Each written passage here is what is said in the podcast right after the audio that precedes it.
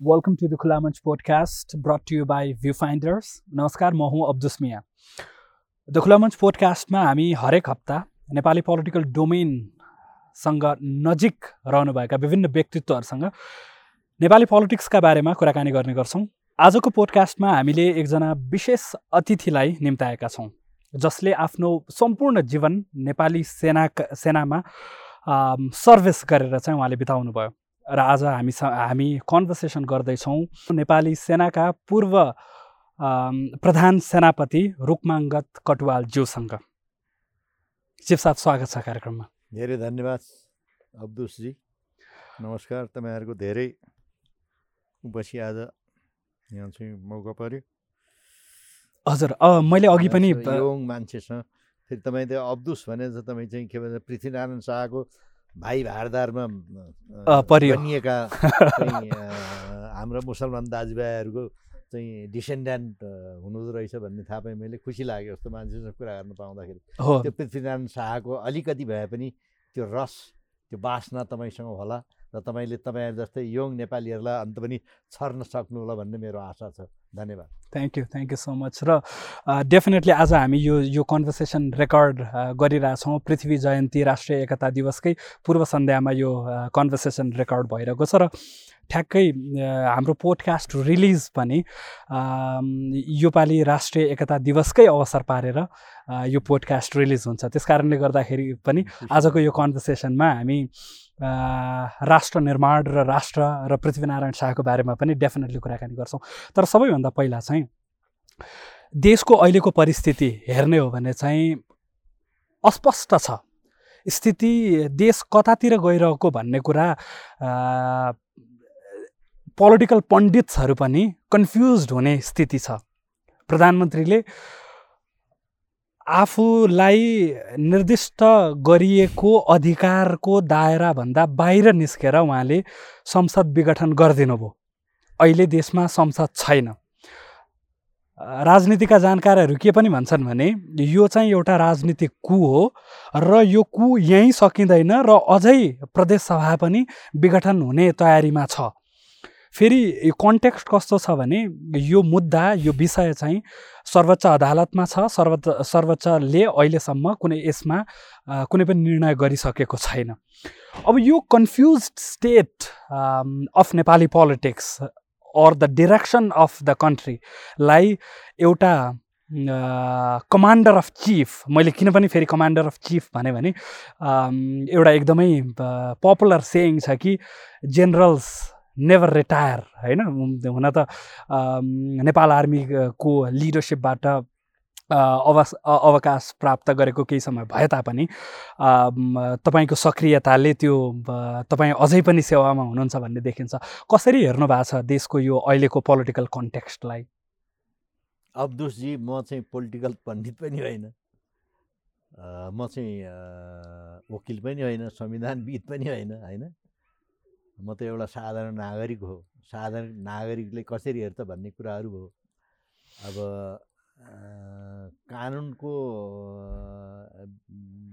विज्ञहरूले पनि अब धेरै नै यो चाहिँ अहिले सुप्रिम कोर्टमा न्यायालयमा विचाराधीन भएको इस्यु केस भएको हुनाले यसबारे बोलिराख्न त्यति सान्दर्भिक पनि हुँदैन। यदि रुल अफ ललाई हामीले अब्जर्भ गर्ने हो भनेदेखि if if a higher loyalty is to the rule of law that's what uh, uh, citizens uh, should be doing it.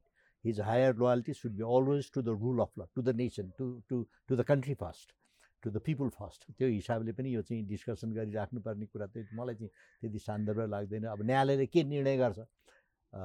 अब शक्ति पृथकीकरणको कारणलाई हामीले मान्ने हो।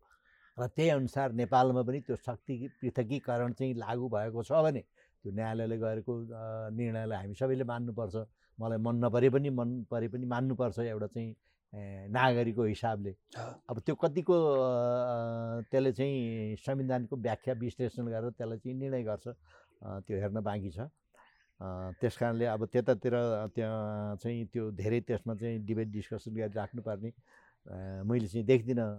अब त्यो हुँदाहुँदै पनि सबैको आफ्नो आफ्नो दृष्टिकोण त भइ नै हाल्छ आफ्नो आफ्नो ओपिनियन त भइ नै हाल्छ होइन? किनभने यसले सबैलाई मार्ग पारेको हुन्छ यसले सबैलाई चाहिँ इम्प्याक्ट गर्दछ यसलाई इन्फ्लुएन्स गर्दछ र यसको चाहिँ अहिले होइन पछिसम्मलाई पनि यसको चाहिँ एउटा नजिर बस्ने हुन्छ र यसले देशलाई कता मुडा मोड कुन मोडतिर लाग्छ अहिले यो दोसाँधबाट कतातिर लाग्ने भन्ने एउटा चाहिँ एउटा मेजर यो चाहिँ के भन्छ त्यो डोबाटोमा उभिराखेको बेलामा त्यहाँबाट कतातिर लग्ने भन्ने कुराहरू हो।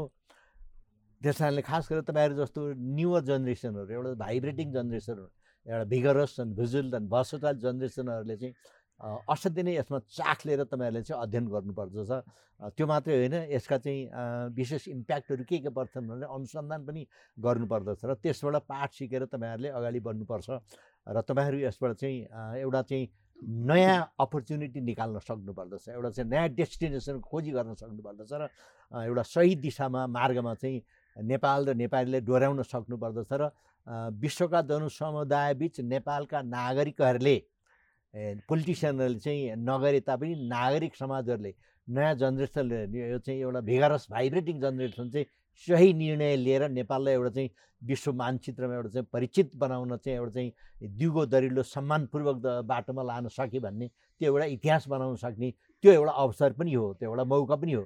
यस्तै कारणले भने ठुल्ठुला मौकाहरू पनि पा आउने। जति अब ठुलो च्यालेन्जेस हुन्छ। त्यो च्यालेन्जेसबाट ठुल्ठुला मौकाहरू पनि पाउँछन् अपर्च्युनिटिज पनि पाउँछ भन्छ नि। So you got to be able and bold enough to wrestle with bigger questions bigger problems bigger challenges bigger threats so that you will be able to absorb and get the bigger opportunities त्यतातिर चाहिँ यहाँ तपाईँहरूले लान सक्नुभयो भने नेपालीले लान सक्यो भने त्यो चाहिँ सायद उपाध्यायमूलक होला जस्तो लाग्छ मलाई। डेफिनेटली र तपाईँको तपाईँका अभिव्यक्तिहरूलाई हेर्ने हो भने तपाईँका अन्तर्वार्ताहरूलाई हेर्ने हो भने एउटा रिपिटेडली तपाईँले के भन्ने गर्नुभएको छ भने नेपाल नेपाल र नेपालीको राष्ट्र राष्ट्रियतामा चाहिँ अहिले प्रश्न चिन्ह उठ्न थालेको छ हाम्रो राष्ट्र राष्ट्रियता चाहिँ कमजोर हुन थालेको छ भन्ने किसिमको टिप्पणी पनि गर्नुहुन्छ। अब यसका प्रशस्त उदाहरणहरू छन्। होइन यो कुरालाई जस्टिफाई गर्ने र म मात्रै होइन हाम्रो अडियन्स सबैजनाले यो कुरा अग्री पनि गर्नुहुन्छ होला। तर एउटा नेपाली सेनाको कमान्डर अफ चिफले यो यो कुरा आम सामान्य मान्छेले बोलेको कुरा होइन होइन? अब फर्मर फर्मर होइन? अब तपाईँ जस तपाईँ जस्तो व्यक्तित्वले यो कुरा भनिरहँदाखेरि त तपाईँले यतिकै सितिमिति अफ द फ्लुक होइन? सर्फेसमा टेकेर त यो कुरा भनिरहनु भएको छैन। अलिकति यसलाई विश्लेषण गरिदिनुहोस् न। हाम्रो राष्ट्रियता कसरी कमजोर भइरहेको छ? राष्ट्र कसरी कमजोर भइरहेको छ? होइन हाम्रो राष्ट्र कुनै बेलामा कमजोर हुन्छ भनेदेखि जब हाम्रा इन्स्टिट्युसनहरू कमजोर हुन्छन् जब हाम्रो इन्स्टिट्युसनलाई नेतृत्व दिने त्यो व्यक्तित्वहरू चाहिँ एउटा चाहिँ सिद्धान्त रहित एउटा चाहिँ त्यो डेस्टिनेसन नभएका यो गर्छु यो राइट चिज हो भन्नेतिर लाग्न नसक्ने र व्यक्तिगत स्वार्थतिर लाग्ने र इन्स्टिट्युसन देश जतासुकै जाओस् म चाहिँ बस्नुपर्छ म बाँच्नुपर्छ भन्ने त्यतातिर लाग्यो भनेदेखि त्यो राष्ट्रिय स्वार्थमा त्यसले चाहिँ धक्का पार्दछ। र अनिखेरि भविष्यका चाहिँ हाम्रो चाहिँ पोस्टेरिटीको त्यो फ्युचरलाई पनि त्यसले चाहिँ धक्का पार्दछ। त्यस कारणले हाम्रो अहिले जुन हिसाबबाट हाम्रो राष्ट्रिय इन्स्टिट्युसनहरूभित्र चाहिँ धमिरा लागेका छन् त्यो चाहिँ एकदम ख्यापर्न थालेका छन्। त्यस कारणले गर्दाखेरि त्यो ख्यापर्न लागेको चिजलाई त्यसलाई चम्काउनको लागि त्यस्तै व्यक्तित्वहरूको चाहिँ चाहिँ त्यहाँ चाहिँ त्यो जान सक्नुपर्दछ जाने वातावरण बनाउनु पर्दछ जुन भइरहेको छैन। यहाँ चाहिँ अब अहिले कस्तो भयो त हरेक इन्स्टिट्युसनहरूमा संवैधानिक इन्स्टिट्युसनहरू छ या कर्पोरेसनहरूमा या बाहिर चाहिँ सामाजिक उसमा चाहिँ सबै चाहिँ मिडियादेखि लिएर तपाईँहरूको क्षेत्रदेखि लिएर सबै ठाउँमा चाहिँ कसको पहुँच कहाँ छ आफ्नो मान्छे त्यहाँ। राम्रो मान्छे होइन आफ्नो मान्छे होइन। It's not the best it is the closest and the nearest त्यो भएको हुनाले नै यो चाहिँ हाम्रो चाहिँ यो यो यो हाम्रो संरचना अब सामाजिक संरचना राजनीतिक संरचना आर्थिक संरचना हाम्रो ऐतिहासिक संरचना हाम्रो चाहिँ धार्मिक संरचना त्यो भत्किन थाले यिनीहरू। त्यसप्रति मान्छेको त्यो विश्वास टुट्न थाल्यो। त्यसले गर्दाखेरि चाहिँ के भयो भनेदेखि अनि बाहिरिया शक्तिहरूले खेल्ने मौका थाले। जब हामी चिरिन्छौँ त त्यहाँ चाहिँ धाँचा पर्छ धाँचा परेपछि त्यहाँ त चाहिँ फोहोर पर्छ पानी पर्छ होइन? त्यो बाहिरको त्यो तत्त्वहरू त्यसरी घुस्न लागे। किनभने उनीहरूको आफ्नो आफ्नो इन्ट्रेस्ट हुन्छ र नेपालको सन्दर्भमा नेपालको भौगोलिक अवस्था नै यस्तो अवस्था छ कि त्यहाँ चाहिँ पृथ्वीनारायण शाहले भने जस्तै नै यो चाहिँ यो चाहिँ भगवान्ले बनाएको किल्ला रहेछ भन्ने हिसाबबाट उहाँले कुरा गर्नुभएको छ र नेपालको सन्दर्भमा चाहिँ यो चाहिँ अब उहाँको बेलाको करिब तिन सय वर्ष अगाडि पाउने तिन सय वर्ष अगाडिको कुरा भनौँ न दुई ढुङ्गाको तरुल रहेछ भनेको त्यो दुई ढुङ्गाको तरुल भनेको दुइटै ढुङ्गाले त त्यो खिचेर त्यो तरुल निस्किनलाई कति गाह्रो पर्छ त्यही पनि तरु तरुल त बाँच्नुपर्ने हुन्छ। त हाम्रो अवस्था त्यस्तो भएको हुनाले त्यो ठुल्ठुला ढुङ्गाहरू त्यसमा चाहिँ बस्नको लागि हामीले के गर्नुपर्छ भने उहाँले धेरै उपदेशहरू चाहिँ उहाँले छोडेर जानुभएको छ। हाम्रो चाहिँ राजनीतिक संस्कारहरू हाम्रो राजनीतिक चाहिँ के भन्छ हाम्रा चाहिँ निष्ठाहरू हाम्रो चाहिँ आर्थिक सामाजिक शैक्षिक हाम्रो चाहिँ व्यापारिक हाम्रो चाहिँ सुरक्षा नीतिहरू कस्ता हुनुपर्छ नेपालको सन्दर्भमा भन्ने उहाँले छोडेर जानुभएको छ। जसलाई हामीले बिर्स्यौँ त्यसलाई लागू गरिदिनु हामी र हुँदा हुँदा हामी यहाँसम्म पुग्यौँ कि पृथ्वीनारायण शाहको त शालिगै तोड्न थाल्यौँ हामी होइन? त्यही त हामीले अघिल्लो वर्ष पनि देख्यौँ केही मानिसहरू चाहिँ बाहिर निस्केर होइन यो पृथ्वीनारायण शाहको शालिग फुटाउने हो कि होइन तस्बिर च्यात्ने हो कि जलाउने हो कि यो लेभलमा चाहिँ हाम्रो समाज अगाडि बढ्न थाल्यो होइन एउटा राष्ट्र निर्मातालाई दिनुपर्ने जुन सम्मान हामी सम्मान सेवाए त केही दिन सक्दैनौँ र त्यो जुन सम्मान दिन सक्छौँ त्यो पनि सम्मान दिन नसक्ने यो चाहिँ किन यस्तो अराजक स्थिति पैदा हुन थालेको होला देशमा? किनभने देशका हरेक नागरिकलाई देशप्रति माया हुनु त स्वाभाविक हो होइन? यसो हामी यहाँ बसेर कुराकानी गर्दै गर्दाखेरि हामीले कहिले पनि यो कन्टेक्स्टमा कुरा गर्दैनौँ कि कुनै एउटा नेपाली चाहिँ लाई हामीभन्दा बढी देशको माया लाग्ला भनेर त हामी कुरा गर्दैनौँ।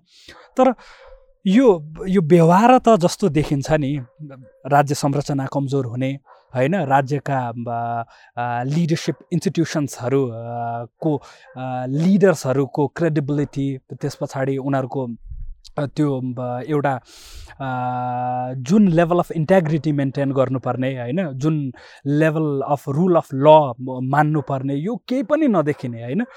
राजनीतिक दलहरू पनि त्यस्तै त्यो पतनको बाटोमा हिँडिरहेको होइन? समाज पनि त्यति नै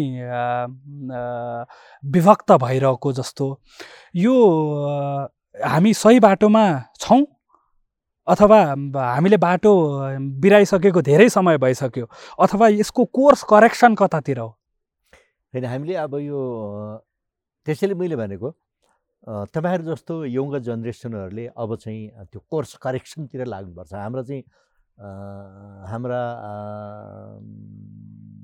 अहिलेको नेतृत्व भनौँ या हाम्रा चाहिँ जेठाबाटाहरूले कहाँ कहाँ के के गल्ती गरे त्यतातिर तिनीहरूको चाहिँ झोला बोकेर हिँड्नुभन्दा हामी कोर्स करेक्सनतिर जानु लाग्नु र त्यो कोर्स करेक्सन गर्ने सन्दर्भमा तपाईँले विभिन्न किसिमका आपद विपदहरू पनि आइपर्न सक्दछन्। त्यो आपद विपदलाई झेल्न सक्ने त्यसलाई चाहिँ थेग्न सक्ने त्यो दृढता छ कि छैन तपाईँसँग? त्यो दृढता हुन्छ नि त्यो दृढता। म गर्छु I can do it I am to do it and I will do it but we need to do it to survive as as a proud Nepali भन्ने हुन्छ नि एउटा त्यस्तो त्यस्तो चाहिँ एउटा विकास गर्नुको लागि चाहिँ हामीले जरैदेखिको त्यस्ता संरक्षण अब सुरु गर्नुपर्ने चाहिँ यो पनि एउटा मौका हो। त्यसको लागि हामीले चाहिँ यो शिक्षा दिँदाखेरि नै घरदेखि नै चाहिँ त नेपाली होस् पहिला होइन? तेरो जात जाति वर्ण भेगी धर्म भौगोलिक ऊ भन्दा पनि तँ पहिला नेपाली होस् भनेर त्यो त्यस्तो किसिमको एउटा संस्कार सृजना गर्ने। होइन? त्यस्तै जस्तै पृथ्वीनारायण शाहले के गर्नुहुन्थ्यो उहाँले चाहिँ आफ्नो मान्छे त कहिले पनि हेर्नु त्यही बनारसबाट तपाईँकै चाहिँ बुढा पुर्खाहरूलाई लिएर आउँदाखेरि पनि उहाँले चाहिँ विराज भक्ति उहाँसँग जानुभएको थियो मैले सुनेको। अब कसले देख्यो त्यो चाहिँ मलाई थाहा छैन विराज भक्ति एकदम ह्यान्डसम राम्रो च्याट्ट परेको मान्छे। अनि उहाँले चाहिँ त्यस्तो मान्छे मन पर्ने रहेछ फेरि बनारसमा त धेरै उहाँले चाहिँ सेवा सुश्रूषा पनि गर्नुभयो होला हतियार किन्नेदेखि अन्त अन्त के के व्यक्तिगत कुराहरूमा पनि होइन? उहाँ खुसी भएर अब नेपाल गएपछि गोर्खामा चाहिँ यसैलाई बडा काजी बनाइदिन्छु भनेर चाहिँ उहाँ चाहिँ मनसुख अब उहाँलाई। तर उहाँ त अलिक बाठो राजा अब एक्काइस वर्ष करिबको चाहिँ केटो भर्खरको चाहिँ लाठे हुन हुन लागेको चाहिँ छिटो भए पनि अलिक पछिको कुरा सोच्न सक्ने पछिको विचार गर्न सक्ने त्यस्तो किसिमको व्यक्ति भएको उहाँ चाहिँ आएर सोचेछ। मैले यसलाई त मन त पराएँ तर जनताले मन पराउँछ कि पराउँदैन? दुनियाँ रैतीले के भन्छन् त यसलाई? यसलाई मन पराउँछ नि अरू नै कोही पो छन् कि मन पराउने मान्छे? मेरा छरछिमेकीहरूले के भन्छन्? कोसँग राम्रो चाहिँ एउटा चाहिँ नातागोता राख्न सक्दछ होइन? त्यो चाहिँ एउटा चाहिँ सन्धि सर्पण गर्न सक्छ। त्यो खुबी भएको मान्छे अरू नै कोही छन् कि भनेर आएर अब विशेषनगरदेखि लिएर त्यहाँ भाइ भारदार आफ्नो चाहिँ नजिकका अब छोटा बडा सबै जुन्दा बुझ्दै हिँडे छरछिमेकी यसरी बुझेर सबैले गर्दाखेरि चाहिँ हरेक चिजमा लडाइँको सन्दर्भमा रिसोर्स डेभलप गर्ने सन्दर्भमा जनतालाई खुसी पार्ने सन्दर्भमा न्याय दिने सन्दर्भमा होइन जनताको रक्षा सेक्युरिटी दिने सन्दर्भमा छरछिमेकी नातागोता राख्ने सन्दर्भमा चाहिँ कालु पाँडे द फिटेस्ट भनेर सबैले प्रुभ गरेपछि कालु पाँडे चाहिँ अहिले अब ग्याचे ग्याचे काले काले ठुलो टाउको भएको भस्मेको ठुटो। त्यस्तो त्यस्तो किसिमको हुनुहुन्थ्यो अरे। अनि त्यसलाई चाहिँ पृथ्वीनारायण चाहिँ यसो हेर्दाखेरि के जस्तो अति त्यति मन नपराउने मतलब लाइकिङ नभएको। भएको हुनाले भए अनि त्यो हुँदाहुँदै पनि ओहो जनताले यसलाई चाहन्छ कालु पाँडेले उहाँले कजाइदिनु भयो होइन? कालु पाँडेलाई कजाइदिनु भयो हाम्रो चाहिँ रक्षा हुने हुँदा हुना हुँदा हुन् भनेर भने हुनाले कालु पाँडेले कजाइदिया भनेर भन्नुभएको छ होइन उहाँले? उहाँले त्यस बेलामा योग्यता हेर्नुभएछ क्षमता हेर्नुभएछ त्यसको बल बुद्धि त्यसको विवेक त्यो हेर्नु भएछ नि। जात पनि हेर्नु भएन भात पनि हेर्नु भएन त्यसले चाहिँ भेगी पनि हेर्नु भएन आफ्नो मान्छे पनि हेर्नु भएन होइन? त्यस कारणले त्यस्तो किसिमको एउटा नेतृत्व डेभलप गर्ने यो एउटा चाहिँ यस्तै मौकामा हो यसरी सुविधा मान्छेहरू निस्किन्छ नि। मान्छे नयाँ नेतृत्व निस्किने यस्तै अवस्थामा संसारको इतिहास हेऱ्यो भने यस्तै अवस्थाहरूबाट मान्छेहरू निस्केका छन् त्यो ठुल्ठुला मान्छेहरू देश सबार्ने देशलाई एउटा बाटोमा लग्ने यस्तो ठुल्ठुला आन्दोलनहरू हुन्छन् दुनियाँभर हुन्छन् मान्छे मर्छन् दुनियाँभर गर्छन् होइन? त्यस कारणले यो अहिले मैले चाहिँ त्यसरी हेर्छु र एउटा चाहिँ देश निर्माण गर्ने साँच्चै नै नेपाली भएर बाँच्ने र बचाउनेको हिसाबमा अब नयाँ जेनेरेसन निस्किने यो अवस्थाहरू यस्तै अवस्थाले निस्किन्छ र तपाईँहरूले यसमा चाहिँ मेहनत गर्नुपर्छ कोसिस गर्नुपर्छ र तपाईँहरूको पछाडि चाहिँ हजारौँ हातहरू हजारौँ टाउकाहरू उभिन्छन् भन्ने मलाई चाहिँ एउटा विश्वास छ। यो त्यो त्यो अपर्च्युनिटीबाट हामीले चाहिँ हेर्न सक्नु पऱ्यो र अहिले जे भइरहेछ गल्ती कमी कमजोरीहरू छन् हामी संविधानदेखि लिएर जहाँ जहाँ जे जे पोलिसीदेखि लिएर फरेन रिलेसन चाहिँ गृह रिलेसनदेखि लिएर दुनियाँबाट भएका छन् हाम्रो चाहिँ सामाजिक विकासका शिक्षा स्वास्थ्यका क्षेत्रदेखि लिएर त्यसलाई करेक्सन गर्ने त्यतातिर चाहिँ एउटा जग बसाउने। अहिले बलियो दिगो जरुरी जब यो खुट्टा टेक्दाखेरि हाम्रो चाहिँ जग त्यो फुट त्यो चाहिँ त्यो फर्म फुट बस्न सक्छ र समाउने हाँगा पनि बलिया बलिया भन्छ अहिले चाहिँ हाम्रो चाहिँ यो खुट्न टेक्नु पनि धर्म रहेछ समाउने हाँगा पनि हल्लिएका छन् कि? त्यस्तो अवस्थामा छौँ हामी। त्यस कारणले अहिले चाहिँ हाम्रो चाहिँ यो एक्सटर्नल इलिमेन्ट्सहरू चाहिँ घुस्ने र उनीहरूको आफ्नो आफ्नो स्वार्थ यो दुइटा ढुङ्गाले त्यो जुन चेपिएको छ नि त्यसलाई चाहिँ हामीलाई चेपाउने हामीले चाहिँ बर्बाद गर्ने यसलाई चाहिँ एउटा चाहिँ रणभूमि भएर एउटा मैदान बनाएर एउटा राजनीतिक खेल बनाएर सुरक्षाको खेल बनाएर आफ्नो आफ्नो स्वार्थपूर्ति गर्ने होइन?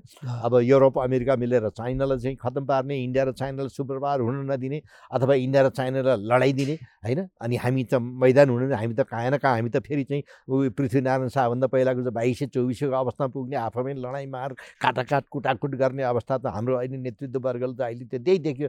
त्यसले गर्दाखेरि अब अब तपाईँहरू जाग्ने बेला भयो। अब अब तपाईँहरू जाग्नु पर्दछ अब तपाईँहरू। तपाईँहरूमा अब एउटा चाहिँ नयाँ ब्लड निस्किनु पर्दछ अब तपाईँहरूमा अब हाम्रो पालो हो। अब यो देशलाई अब सही बाटोमा हामी लान्छौँ। चाहे यो अवस्थामा हामी दुई चारजना किन नमरौँ?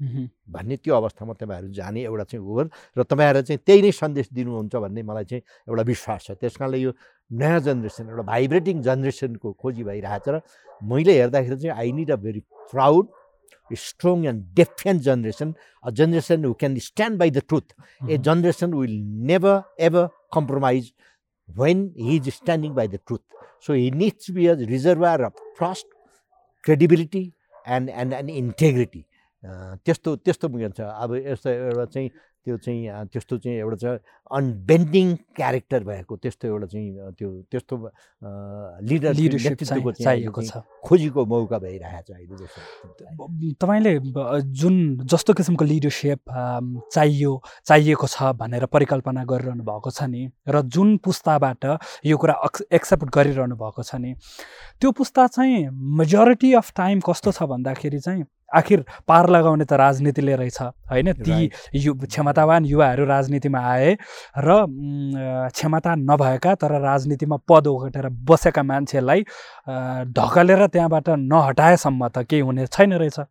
तर अहिलेको सि सिचुएसन कस्तो छ भन्दाखेरि तपाईँ यङ मान्छेलाई भेट्नुभयो भने I'm sure you you go to different programs अनि यति धेरै युथ मोटिभेसन कार्यक्रमहरूमा तपाईँ जानुहुन्छ। होइन? तपाईँले कति त्यस्ता युवाहरूलाई भेटाउनु भएको होला? अधिकांश युवाहरू के छन्? भन्दाखेरि आई हेट पोलिटिक्सबाट सुरु गर्छन् उनीहरू। मलाई पोलिटिक्समा इच्छै छैन। म कुनै पोलिटिकल पार्टी जोइन गर्नै चाहन्न। त्यस पछाडि म बरु अब देशको कुरा गर्ने हो भने देशमा हेरिहाल्यौँ हामीले। दुई दिन अगाडि एउटा रिपोर्ट पब्लिस भयो। संसारको सबैभन्दा पोल्युसनमा एक नम्बरमा कुन सिटी छ भनेर हेर्दाखेरि काठमाडौँ छ होइन? करप्सनको कुरा गर्ने हो भने ट्रान्सपेरेन्सी ट्रान्सपेरेन्सी इन्टरनेसनलले अस्ति एउटा रिपोर्ट निकाल्यो सबैभन्दा पुछारमा कुन देश छ भन्दाखेरि नेपाल होइन? यो यस्तो देश हो जहाँ सत्तरी करोड भ्रष्टाचार गरेको टेप निस्किँदै गर्दाखेरि पनि होइन त्यही त्यही व्यक्ति राजीनामा दिएर अर्को मिडियामा गएर अर्को सभामा गएर के भन्छ भन्दाखेरि म अघिल्लोचोटि चुनाव जितेकै ठाउँबाट सत्तरी हजार भोट लिएर आएर जित्दिन्छु। हेरौँ त कसले मलाई हराउँछ भनेर चुनौती दिन्छ। होइन? यस्तो अवस्थामा कसरी हुन्छ त रिप्लेसमेन्ट कसरी मोटिभेट गर्ने? भन्नुहोस् त। मलाई तपाईँले यो कुरा ल्याएर मलाई एउटा चाहिँ खुसी पनि लाग्यो। तपाईँले भनेको कुरामा शत प्रतिशत म चाहिँ सहमत छु। तर त्यसको साथसाथै म के पनि भन्छु भनेदेखि मलाई त्यही भएर मलाई पनि एउटा एक किसिमको एउटा फ्रस्ट्रेसन आएर मैले के भनेको छु भने यस्तै चाहिँ एउटा ठुलो कार्यक्रममा यस्तै प्लाटफर्ममा मैले नेपालीहरू अब चाहिँ खोले झोलेर नबोले भए थिएन भनेको छु मैले। खोले झोलेर नबोले। भनेको अब खोले भनेको अब बिहान खाएर बेलुका के खाउँ भन्ने मान्छेलाई देशको मतलबै भएन। त्यो जवान छोराछोरी आमा बाउ छोरा कसरी पालौँ त्यतातिरमा लाग्छ। अहिले खायो भरे के खाउँ त्यसैको चन्द्र लाग्छ उसलाई। देशको मतलब भएन। जतासुकै जेसुकै होस् होइन। टाइमै छैन उसलाई त्यो त्यो त्यो नै भएन उसको। अर्को झोले एउटा झोले एउटा नेताको झोला बोकेर हिँडेपछि त्यसबाट केही पाइन्छ। के पाइराखेको छ पाइन्छ। त्यति त्यो झोला जो देशको केही मतलब भएन उसलाई होइन? त्यो झोला बोकेर हिँडेर त्यो आफ्नो चाहिँ त्यसले चाहिँ जीविका चलाइरहेको हुन्छ। अर्को एउटा टोली नबोले हुँदो रहेछ। त्यो नबोले भनेको को हुँदो रहेछ भनेदेखि जोसुकै नेतृत्वमा आए पनि जसको छत्र छायामा बसेर नि आफ्नो फाइदा लिइराख्ने। त्यो बोल्दैन त्यसले। त्यो फाइदा लिने कुरा मात्रै हेर्छ उसले देशको मतलब हुँदैन उसलाई। त्यो त्यस्तो भएछ नि भन्ने ठानेछ तर त्यस्तो हुँदाहुँदै पनि के हुँदो रहेछ त भनेदेखि आखिर कमल त हिलोमा नै फुल्दो रहेछ नि होइन? कमल यस्तै यस्तै समस्याहरूबाट नै फेरि चाहिँ त्यो नयाँ पालुवाहरू नयाँ बिरुवाहरू पलाउनु सुरु हुँदो रहेछ कि संसारमा। एउटा चाहिँ डिभास्टेटेड भइरहेर भलबाडी पहिरो गइरहेको ठाउँमा त्यहाँ त्यो भलबाडीले त्यहाँ चाहिँ त्यो त्यो मलिलो माटो पनि ल्याउँछ फर्टाइल माटो पनि ल्याउँछ। अलुवेल सोइल भन्छ नि त्यस्तो पनि ल्याउँछन्। त्यहाँ चाहिँ अनेक किसिमका खेतीबारी दुनियाँभर हुन्छन्। हेर्नुहोस् वर्ल्ड वार सिद्धिने बित्तिकै जर्मनी र जापानको कुरा गर्नुहोस्। अठार बिस वर्षमा कहाँबाट कहाँ पुग्यो यिनीहरूले चाहिँ? सेन्चुरीसम्म चाहिँ नगरेको डेभलपमेन्ट त वात्तै एकचोटि मिराकल गर्दै होइन। चाइनामा हेर्नुहोस्। के भन्छ नाइन्टिन सिक्सटी सिक्सदेखि सेभेन्टी सिक्समा त्यत्रो आन्दोलन भयो। होइन यहाँ चाहिँ कल्चरल रेभोल्युसनको उसमा गएर होइन। तर त्यसको पछि चाहिँ जब त्यो गान्टे आउनुभयो डेङ स्यापिङ आउनुभयो उसले चाहिँ कहाँबाट चाहिँ तिस चालिस वर्षमा हेर्नुहोस् त इन्डिया चाइना त मेजर पावर भइदियो सुपर पावर भइदियो हेर्नुहोस् होइन। त्यस्तै अवस्थाबाट आउँदो रहेछ नि भनेपछि त्यस्तै अवस्थाबाट नै हामी चाहिँ राम्रो बन्ने सक्ने चाहिँ क्षमता चाहिँ निस्किँदो रहेछ त्यहाँ। र अनि त्यसैले भनेको यो एउटा अपर्च्युनिटीको टाइम हाम्रो संविधानदेखि लिएर हाम्रो देशमा भएका परिवर्तनहरू जो चाहिँ रूपान्तरितहरू भनेर रूपान्तर गर्ने परिवर्तन गर्ने आएका टोलीहरूले के परिवर्तन गरे त भन्दाखेरि समाजलाई परिवर्तन गराउन सकेन यिनीहरूले हाम्रो चाहिँ वे अफ लाइफले परिवर्तन गराउन सकेन देशलाई परिवर्तन गरेर आफू परिवर्तन भए। भनेको मतलब चप्पल लाउने मान्छे अहिले जु सुटेड बुटेड हिँड्छ हरेक दिन सुट फेरेर हिँड्छ होइन? उसको घरमा चाहिँ बाह्र पन्ध्रवटा चाहिँ गाडी हुन्छन् उसका चाहिँ आफ्ना चाहिँ मान्छेहरू छोरा बुहारी छोरी नाता नातिनी सबै चाहिँ ठाउँ ठाउँमा पोस्ट पोस्टमा छन् तर जनता त मरिराखेका छन् होइन? भनेपछि त्यो त्यो अब त्यो परिवर्तन होइन कि हामीले चाहिँ साँच्चै नै सम्पूर्ण नेपालीहरू परिवर्तन भयो म त यसै परिवर्तन त्यही नेपालभित्रको ऊ त हो नि म। भन्ने त्यो हिसाबबाट चाहिँ मैले भनेको त्यस कारणले त्यस्तो अवस्थाबाट चाहिँ यो मौका हो एउटा है। यो मौका हो त यो मौकामा अब नेपालीहरू जाग्छन् जाग्नुपर्छ। होइन भनेदेखि हामी नेपाली भएर बाँच्ने अवस्था चाहिँ आउँदैन। हामी पहिला हामी नेपाली भएर गौरव गर्ने कि नगर्ने? हेर्नुहोस् एक जमाना थियो म चाहिँ सेभेन्टी थ्रीमा हामी म इजिप्टमा हुँदाखेरि हाम्रो नेपाली पासपोर्ट लिएर जाँदाखेरि त्यहाँ चाहिँ हामीलाई चाहिँ इजिप्ट जान इजिप्टमा जान पनि फ्री हुन्छ। सिरिया जान जोर्डान जान लेबनन जान इजरायल जान हामी चाहिँ नेपाल निबाल निबाल पा निबाल निबाल नो प्रब्लमको तर क्यान्डिडेटहरू स्क्यान्डिनेभियनहरू क्यानाडा होल्डन पासपोर्ट पासपोर्ट भन्थ्यो कि त्यस्तो। म चाहिँ इभिन नाइन्टिन एट्टीमा म चाहिँ युरोपमा जाँदाखेरि चाहिँ मेरो चाहिँ पासपोर्ट देख्न साथ मेरो युनिफर्म पासपोर्ट देख्न मलाई त्यो युरोपियन कन्ट्रीभरिको उसमा चाहिँ तिन महिनाको झ्याप छाप लगाइदिन्छु। सोधै नदेख्नु पासपोर्ट झ्याप छ सोद्धा पनि सोध्दै त पासपोर्ट झ्याप चलाउँछु लिएर हिँड्थेँ तिन महिना। युरोप साह्रै घुम्न पाउँथ्यो त्यस्तो अवस्था। तर अहिले के छ त? अहिले तपाईँ हङकङ जानुहोस्। तपाईँलाई सबभन्दा जुत्ता मोजा तपाईँको भित्री लुगा सुगा सब खोलेर दुनियाँभर गरेर कति लगाएर के गरेर तपाईँलाई त्यस्तो अवस्था छ भने हामी कहाँबाट कहाँ पुगेछौँ भन्ने त्यसले गर्छ अब त्यो अवस्थालाई चिर्नको लागि त्यो अवस्थालाई बदल्नको शान्तै त्यसलाई चाहिँ परिवर्तन गर्नको लागि अब चाहिँ यो अहिलेको जुन यो चाहिँ लिडिङ जेनेरेसन छ त्यहाँबाट चाहिँ सम्भव छैन। त्यो त गिरिसक्यो त्यो। हामीले टेस्ट गरिसक्यौँ कि? ऊ कति कति पाइनको कति धार्नीको कति बिसौलीको रहेछ होइन? कुन टेस्ट रहेछ? कति चर्को कति नुनिलो रहेछ भने हामीले टेस्ट गरिसक्यौँ। सम्पूर्णले सेकेन्ड जेनेरेसन भन्ने सेकेन्ड जेनेरेसन लिडर भन्नेलाई पनि जनताहरूले देखिसके अब। त्यस कारणले अब नयाँ जेनेरेसन। त्यो जेनेरेसन झन् तपाईँले जुन भन्नु पच्चिस वर्षदेखि चालिस वर्ष पैँतालिस वर्षको भन्नु त्यो बिचको generation. No politics is a डट्टी काम। I not with politics I hate it I hate it भनेको त्यो मान्छेलाई अब नेपाली हुँ भनेर नेपाली पोलिटिक्स सुरु गर्नु पऱ्यो यहाँ। विदेशबाट ल्याएको पोलिटिक्स होइन अब। विदेशबाट ल्याएको अर्काले भनेको लोकतन्त्र ल्याएको होइन। अर्काले भनेको भरमा यहाँ चाहिँ हाम्रो चाहिँ संविधानमा उनीहरूले जे जे भनौँ त्यही त्यही लेख्ने कुराहरू होइन। हामीले हाम्रो सन्दर्भमा नेपालको प्राथमिकताहरू के के हो? नेपालको धर्म संस्कृति इतिहास हाम्रो पहिचान हाम्रो परिचय हाम्रो चिनारी जोगाउनको लागि नेपालमा कस्तो किसिमको चाहिँ संवैधानिक चाहिँ व्यवस्था हुनु पऱ्यो भने त्यो हुनु पऱ्यो हाम्रो हावापानी सुहाउँदो भन्छौँ नि हामीलाई हाम्रो भूगोल सम्बन्ध सबभन्दा पहिला त नेपालको भूगोललाई राम्रोसँग अध्ययन गर्नु सक्ने नेपाल कति कस्तो अप्ठ्यारो अवस्थामा? हामी चाहिँ हुन्छ नि चाइनाबाट केरिङबाट रेल आउँछ भने थाहा छ चाइना केरिङबाट काठमाडौँमा रेल आउन कति लाग्छ? कति मेकानिक चाहिएला कति रिसोर्सेस चाहिएला कति जो पुलहरू कति चाहिँ सुरुङहरू बन्नु पर्ला त्यो रिसोर्सेस कसले देला? अनि त्यो रेल आयो अरे दस बिससम्म बिस वर्षमा आयो अरे आयो अरे नेपालबाट अब काठमाडौँबाट के हालेर पठाउने? रित्तै पठाउने। हाँ? रित्तै पठाउने त्यस्तै चाहिँ इन्डियाबाट आउने चाहिँ अब त्यो सोच गर्नु पऱ्यो हामीले। त्यो त्यो चाहिँ नेपालको भूगोललाई अध्ययन नगरिकन हाम्रो गृहनीति पनि ठिक हुँदैन हाम्रो आर्थिक नीति पनि हुन्छ परराष्ट्र नीति पनि ठिक हुँदैन हाम्रो हाम्रो चाहिँ यो चाहिँ के भन्छ यो चाहिँ टुरिज्मका कुराहरू पनि आउँदैन त्यस कारणले हामीले हाम्रो पहिचान र परिचय हाम्रो चिनारी के हो? केवल हामी चिनिएका थियौँ पहिला होइन? यो भनेको त एउटा चाहिँ के भन्छ ऋषि मुनिहरूको देश र होइन हाम्रो चाहिँ के भन्छ यो चाहिँ ऋग्वेदमा शुद्ध चाहिँ कन्सर्न भएको नेपाल भनेको त्यस्तो देश हो होइन। महाभारतमा नै हाम्रो चाहिँ राजा रजुटा फौज लिएर गएर चाहिँ पाण्डवको सत्यको पक्षमा लडेको त्यस्तो देश हो यो होइन। त्यस कारणले चाहिँ हामी त त्यस्ताका सन्तान हौँ त्यसको चाहिँ एउटा सत्यप्रति प्रतिबद्ध कम वाटमे होइन। यो चाहिँ के भन्छ संसारै ल्याएर तपाईँको खुट्टामा राखे पनि म झुट बोल्दिनँ भने चाहिँ नबोल्ने। युवा युवा युवा you you stand by the truth come what may होइन?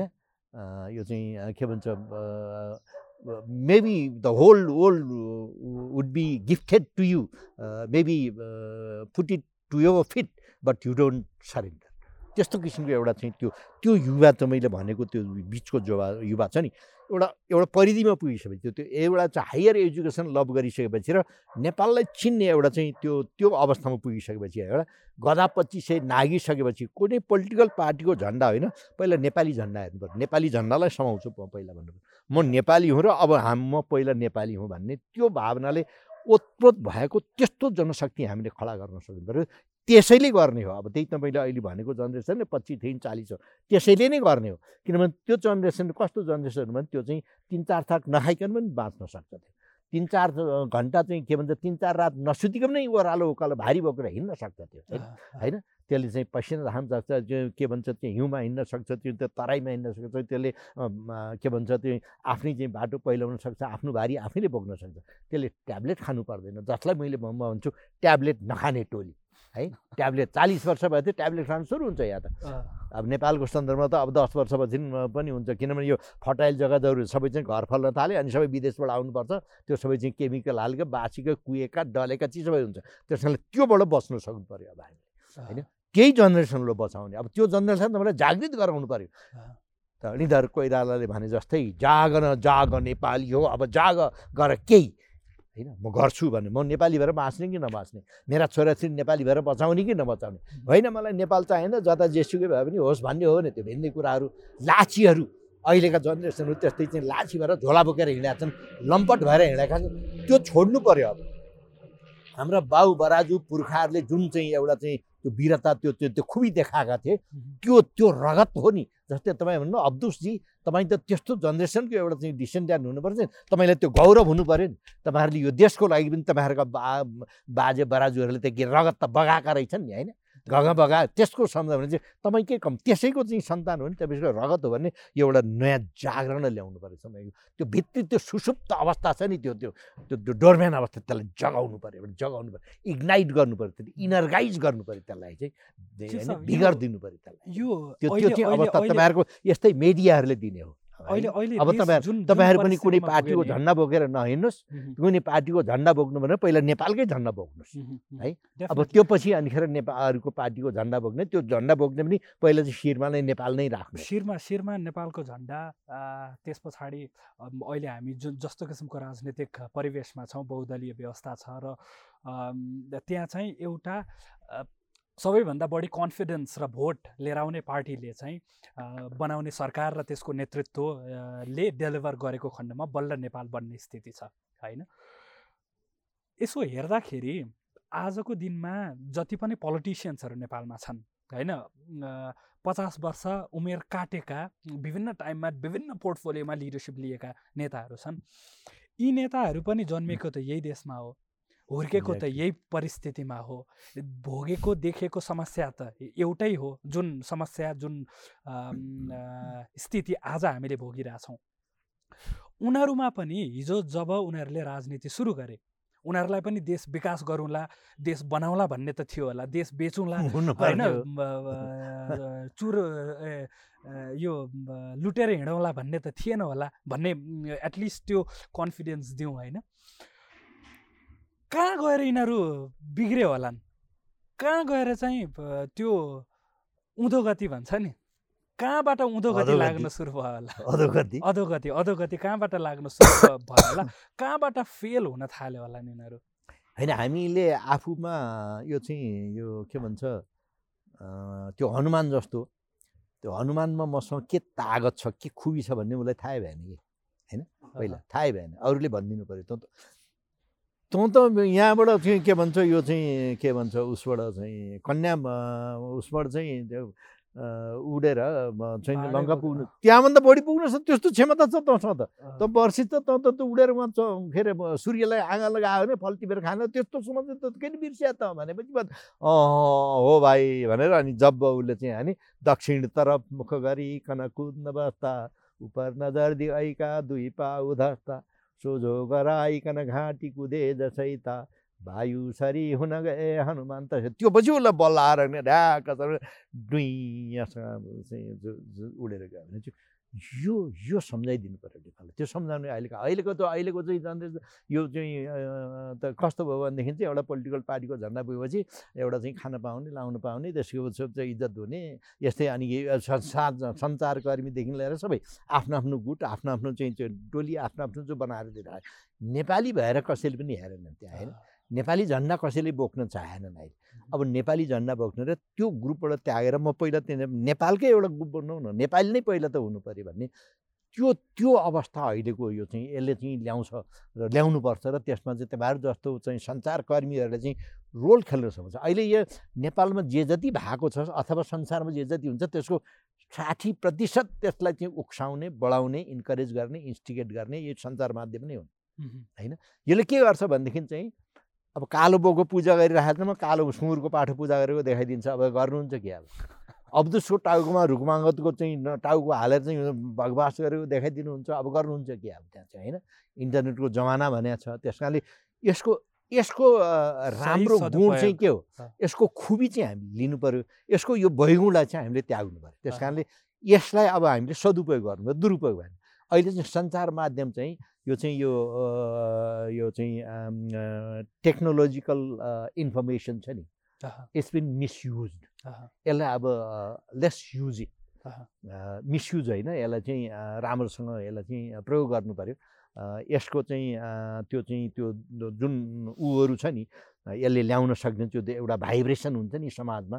एउटा चाहिँ नयाँ जेनेरेसन त्यो भाइब्रेसन दिने त्यो पोजिटिभ भाइब्रेसन दिन सक्नु पऱ्यो यसले अहिले चाहिँ धेरै जस्तो नेगेटिभ भाइब्रेसन दिएको हुन्छ र अनिखेर मान्छेहरू चाहिँ फेरि हामी यति बेकुब छौँ कि तपाईँले मेरो कुरा एउटाले आएर कुरा सुन्दैछ ऊ त्यो यो बहिनीले आएर कुरा सुन्दै त्यो के अरे आस आस आस्थाले ल्याएर चाहिँ ए रुकमाङ्गजी तपाईँले त अब्दुसले यस्तो गाली गऱ्यो भने अनि म के भन्छु? पक्ष हालेँ अब्दुस त्यसलाई मैले जाने त न न के अरे ठिक नगरी छाडिदिनु भन्छु।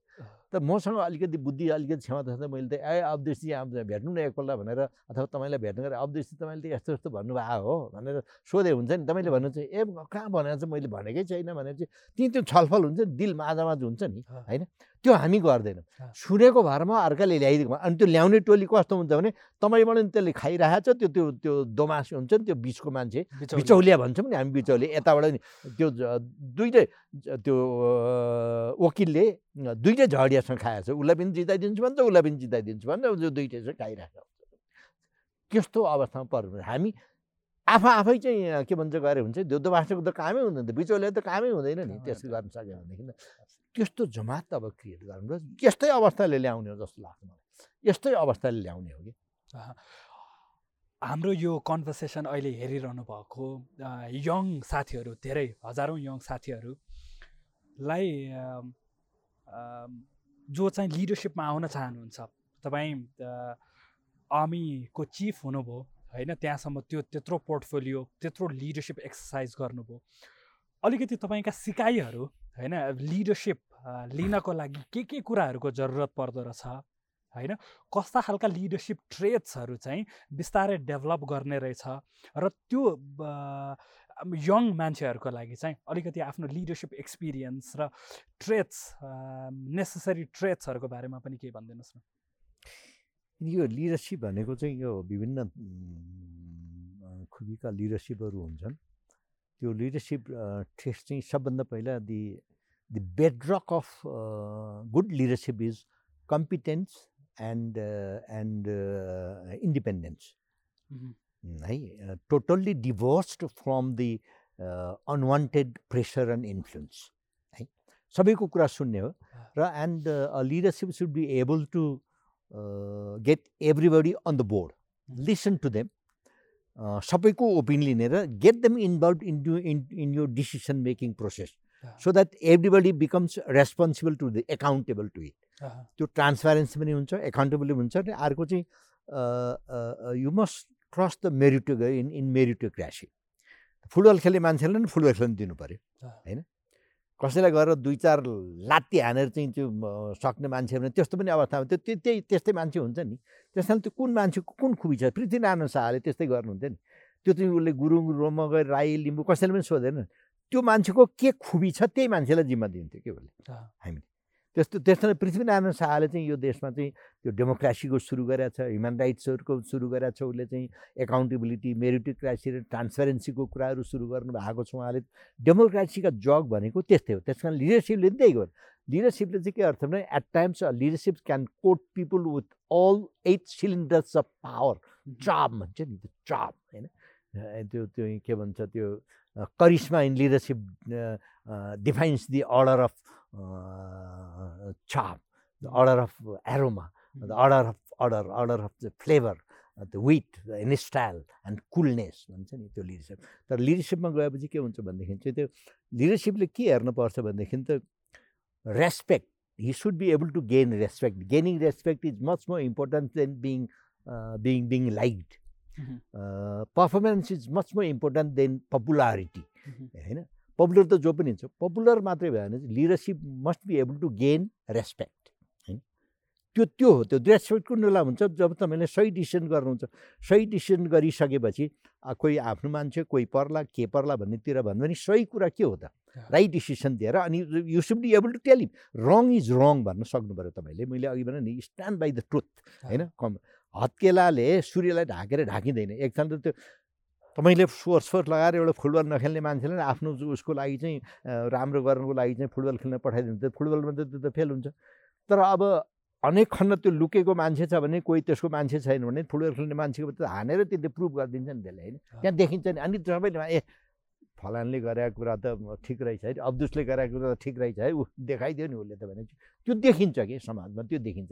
त्यस कारणले त्यस्तो किसिमको त्यो एउटा त्यो त्यो इन्डिपेन्डेन्स त्यो competence but should be able to consult everybody and take your decision and once you take this that decision keeping यो नेसनल इन्ट्रेस्ट फर्स्ट होइन त्यो डिसिसन लिएपछि चाहिँ अनिखेर it does not matter matter what what comes to you त्यो चाहिँ the old may lay everything at your feet but you don't compromise किनभने you be believe that that's the right thing you believe होइन नेपालको political त्यो त्यो चाहिँ त्यो नेतृत्वको चाहिँ एउटा ठुलो क्षमता र अनिखेर त्यो जग हुन्छ नि। जस्तै आर्मीको जग के हो भने सिपाहीहरू। सिपाहीहरूको सिपाहीहरूसँग रात दिन घुलमिल तिनीहरूसँग बस्ने तिनीहरूसँग खाने तिनीहरूसँग खेल्ने तिनीहरूलाई आफू चिनाउने। उनीहरूलाई त्यो they must feel your subordinates must feel that you are going to protect them come come what may at any cost you are going to so that they will be loyal it's a question of uh, you know, obtaining their uh, uh, uncompromised willingness, mm-hmm. Willingness. Willingness unwavering loyalty त्यो complete confidence in leadership to to to accomplish a mission भने त्यस्तो किसिमको त्यो तपाईँलाई त्यो विवरण अनि त्यहाँ तपाईँले जे भन्नु मान्छ उनीहरूले। ओके तपाईँले त्यो त्यो त्यो फिलिङ त्यो हुनुपर्छ नेपालको पोलिटिकल लिडर्स र लिडरसिपको कन्टेक्स्टमा चाहिँ नेपाली नेताहरूसँग के त्यस्तो गुण भएन जसका कारणले गर्दाखेरि चाहिँ देश यस्तो स्थितिमा आइपुगेको हो? सबभन्दा पहिला त उहाँहरूले आफ्नो त्यो घेराबाट के हुन्छ भनेदेखि चाहिँ leadership means being responsible but at times when you you want to be responsible you will have to piss people off होइन and when the leadership comes out with with with with some new ideas new innovations new programs new Uh, uh, uh, new directives, mm-hmm. people's comfort zone would be invaded. And naturally, they, they, will be pissed off, they will be angry with you. Mm-hmm. The leadership doesn't want to do that. They don't want to become responsible. They want to. they want to be liked. They want to be popular. They want to please everybody. Mm-hmm. You can't, can please everybody. yeah. you can't please everybody. You not please. That's त्यो please गर्ने त्यसैमा चाहिँ हामी चाहिँ आफ्नो खुबी नै देखाउन सकेनौँ हामीले होइन? त्यस कारणले हामीले चाहिँ समग्रमा नेपालको प्राथमिकता के हो? नेपाल कतातिर लाग्नुपर्ने? नेपालको प्राथमिकता के हो? नेपालका इन्डिस्पेन्सिबल इन्स्टिट्युसनहरू इन्डिस्पेन्सिबल फ्याक्टर्सहरू के के हुन् to survive Nepal as a sovereign independent integral country भन्ने त्यतातिर भन्दा पनि हाउ क्यान आई सर्भाइभ होइन? And and face the best price for myself अनि त्यतातिर लागेपछि अनिखेर त्यतातिर चाहिँ हामीले ध्यान दिएनौँ त त्यस द्याट्स वेयर हामी चाहिँ चुक्यौँ। हामीले अहिलेको चुकेर अनि यो सेकेन्ड जेनेरेसन पनि त्यसकै पछि लाग्यो कि? त्यही कपी गऱ्यो त्यो challenge they are never going to challenge the leaders किनभने त्यो खाइरहेको छ पाइरहेको छ जेसकै छ अरू जेसकै भन्नु मैले खान पाउन्जेल त भइहाल्यो नि। भनेपछि अहिले त त्यही देखियो नि। त्यस कारणले त्यो हुतीबाट तपाईँ त्यो बाहिर निस्किनु पऱ्यो त्यो त्यो त्यो त्यो सर्कलबाट तपाईँहरू त्यो त्यो बक्सबाट तपाईँहरू बाहिर निस्किन सक्नु पऱ्यो त्यो चाहिँ it's a big challenge for person but once you are able to accept that challenge that big challenge मैले अघि भने नि the big challenges once you you accept that challenges you will have better opportunities that opportunities not only for you but for your country also त्यो चाहिँ हुनुपर्छ। त्यस्तो अवस्था त्यो क्रिएटको लागि के गर्नुपर्ने रहेछ भनेदेखि मैले हेर्दाखेरि त्यो स्कुल कलेजदेखि त बाल्य अवस्थादेखि नै त्यसलाई that's how they need to be groom up है त त मुसलमान होइनस् त हिन्दू होइनस् त क्रिस्चियन होइनस् त बुद्धिस्ट होइनस् त के होइनस् त मधिस होइनस् त पहाडी त नेपाली है फर्स्ट त्यो तराईवासी पनि नेपाली मेरो एउटा गीत छ होइन तराईवासी बासी ती पनि नेपाली यतै यतै के भन्छ नेपाल भन्ने शब्द नै प्यारो मिठो र रसिलो भन्ने उसमा त्यसैले त्यो एउटा चाहिँ भावना जगाउनु चाहिँ शिक्षा अब हाम्रो शिक्षा कस्तो छ अहिले शिक्षामा तपाईँले अहिले नै सुन्नुहुन्छ कस्तो शिक्षा चाहिने कस्तो स्वास्थ्य चाहिने अहिलेको कोभिडबाट हामी कसरी हट्ने यो कोभिडको भ्याक्सिन कसरी लिएर आउने भन्नेतिर नेताहरू बसेर कहिले छलफलहरू काहीँ सुन्नु भएको छ तपाईँहरूले? कुनै पत्र पत्रिका नेताहरू बसेर यसरी छलफल गरेर अब हाम्रो स्वास्थ्य नीति यो हुनु पऱ्यो हाम्रो शिक्षा नीति अब यसरी चाहिँ नेपालीलाई सुहाउने नेपालीमा हाम्रो चाहिँ परम्परालाई उ गर्ने हाम्रो होइन हाम्रो रीतिरिवाज समाउने हामी त हाम्रो त नेपाली समाज भने त्यो त्यस्तो मिलेर बसेको समाज हो नि। त्यही पृथ्वीनारायण चाहेका होइन एउटा दमै कहाँ गएर दमै भनौँ न त्यस बेलामा होइन। दमै कहाँ गएर नि ए के अरे बिराजे के गर्ने यार? लौ न यो त गोर्खा त साह्रै गरिब पनि भयो सानो पनि अलिक ठुलो बनाउनु पऱ्यो तर मसँग धन छैन बाबु के गर्ने भने? ए खुवामी म पनि एउटा ढ्याक दिन्छु सबैसँग एक एकवटा ढ्याक लिइबक्नुहोस् न हजुर अनि हामी गरिहाल्छौँ भने त्यस्तो खुबी भएको नेता चाहियो क्या होइन होइन तपाईँहरू तपाईँको बाबुबाबु त मुसलमान थियो उसले त मुसलमान त भनेन नि। त्यस बेलामा उनीहरूको खुबी त्यही हो हतियार गोली गठा बनाउनु त्यसैमा उसले चाहिँ ल ए बाबु त्यो बनाऊ है तिमीहरू केही गर्छ गरेर जिम्मा दिँदैन छोडिदियो होइन उसले मुसलमान भनेन नि। अब अहिले त के छ? अब अहिले त हुँदा त राज्य व्यवस्था गरेर चाहिँ गुरुङलाई भिन्दै राज्य तामाङलाई भिन्दै राज्य मुसलमानलाई भिन्दै राज्य मधेसलाई भिन्दै राज्य भने नेपाललाई अब टुक्रा टुक्रा चिराफारा बनाउने अब। नेपाललाई चिराफारा बनाउने। एकताबद्ध भइरहेको देशलाई चिराफारा बनाउने। फेरि बाइसै चौबिसै बनाउने अब। भनेपछि हामी त्यतातिर लाग्नुभन्दा होइन यो सगोल नेपाललाई यो सगोल नेपाललाई अझ मजबुत दिगो दरिलो बनाएर हामी सबै नेपालीहरू नेपाली हौँ भनेर एक ठाउँमा उभिनु पऱ्यो र अनि हामी सबै बसेर छलफल गरेर सबै निषेधको राजनीति भन्दा पनि सबै जुटेर एउटा चाहिँ राउन्ड टेबल गरेर के गर्दाखेरि नेपालको प्राथमिकतामा ऊ हुन्छ त हाम्रो परराष्ट्र नीति के हुने नेपालको भूगोलले के माग्दछ? यो भूगोल त चेन्ज हुनेवाला छैन नि होइन? चाइनासँग कस्तो नेपालसँग कस्तो टुरिज्मका पोलिसीहरू कस्तो ल्याउने होइन हाम्रो पानीको विषयमा कसरी निर्णय गर्ने के गर्ने के के फाइदा लिन सकिन्छ भने त्यो निर्णय गर्ने क्षमता अहिले देखाउनु पर्यो। उनीहरूलाई परेको बेलामा उनीहरू सबै नेताहरूले यस्तो गरे सबै जम्मा गर्छन् तर यो विषयमा यो नेसनल इन्ट्रेस्टको विषयमा त कहिले पनि छलफल गरेको त देखिँदैन। सुनिँदैन। म ठ्याक्कै यहीँनिर आइहालेँ। यो जस्तै नेपालमा अघि हजुरले पनि भन्नुभयो कि नेपालमा धेरै जसो पब्लिक इन्स्टिट्युसन्सहरूले आफ्नो क्रेडिबिलिटी गुमाइसकेका छन् होइन? हामी एकदमै कमजोर भइरहेछौँ। नेपालमा सबैभन्दा बढी त्यो सम्मान पाएको सबैभन्दा बढी आफ्नो ठाउँमा बसेको कुनै सङ्गठन छ कुनै संस्था छ इन्स्टिट्युसन छ भने त्यो नेपाल आर्मी हो। तर हामीले अहिले अहिले यो रिसेन्ट केही अपडेटहरू हेऱ्यौँ भने सेनालाई विभिन्न ठेक्कापट्टाको काममा औषधि अब यता नेताहरू नेताहरूले मन्त्रालयबाट अस्तिको कोभिडको औषधि उपकरण किन्ने प्रकरणको पनि कुरा होइन? एकतिर भ्रष्टाचार भए पछाडि अनि अलिकति इज्जत जोगाउन फेरि नेतालाई कन्ट्र्याक्ट दिने। ए सरी नेपाल आर्मीलाई चाहिँ ल नेपाल आर्मीले चाहिँ यो खरिद प्रक्रिया पुरा होस् भनेर भन्ने होइन? ठुल्ठुलो आयोजनाहरू नेपाल आर्मीलाई नै दिने। यसो गर्दै गर्दाखेरि चाहिँ यो एउटा अलिकति सम्माननीय संस्थाको पनि क्रेडिबिलिटी भोलि गएर यस्तै खतम हुन्छ भन्ने लाग्दैन। किनकि जहाँ जहाँ राजनीति यस्तो किसिमको राजनीति प्रवेश गरेको छ त्यो त इन्डस्ट्री ध्वस्त भएको छ। तपाईँ हेर्नुहोस् शिक्षामा एजुकेसन सेक्टरमा जब राजनीति छिर्यो अहिले हाम्रो देशको कुनै पनि युनिभर्सिटी संसारको युनिभर्सिटीको त्यो ऱ्याङ्किङमा चाहिँ पाँच हजारभन्दा तल आउँछ कि? होइन त्यो हजारौँ त्यो कहिले ऱ्याङ्किङमा आउँदै आउँदैन। स्वास्थ्य स्वास्थ्य स्थिति खतम होइन? सोसल सिक्युरिटीको स्थिति खतम तपाईँको प पब्लिक ट्रान्सपोर्टेसनको स्थिति खतम होइन? इन्भाइरोमेन्ट क्लाइमेटको स्थिति खतम जहाँ जहाँ राजनीति छिर्यो त्यो स्थिति खतम। अस्ति एउटा पोडकास्टकै सन्दर्भमा एकजना गेस्टले के भन्नुभएको थियो भने यो यो कन्टेक्स्टमा कि हामी कहाँ चाहिँ किन यो अलिकति राम्रो किसिमको अलिक क्वालिटी क्लोथ आइपुग्छ भनेर भन्दाखेरि चाहिँ because there is no ministry of clothing. If there was any ministry of clothing we'd not get this quality of cloth. So राजनीति बिस्तारै सेनातिर पनि प्रवेश गर्न थाले हो र यस्तो भयो भने त नेपाली नेपाल आर्मी नेपाली सेना को त्यो गौरवशाली इन्स्टिट्युसन पनि ध्वस्त नहोला भन्न सकिन्छ।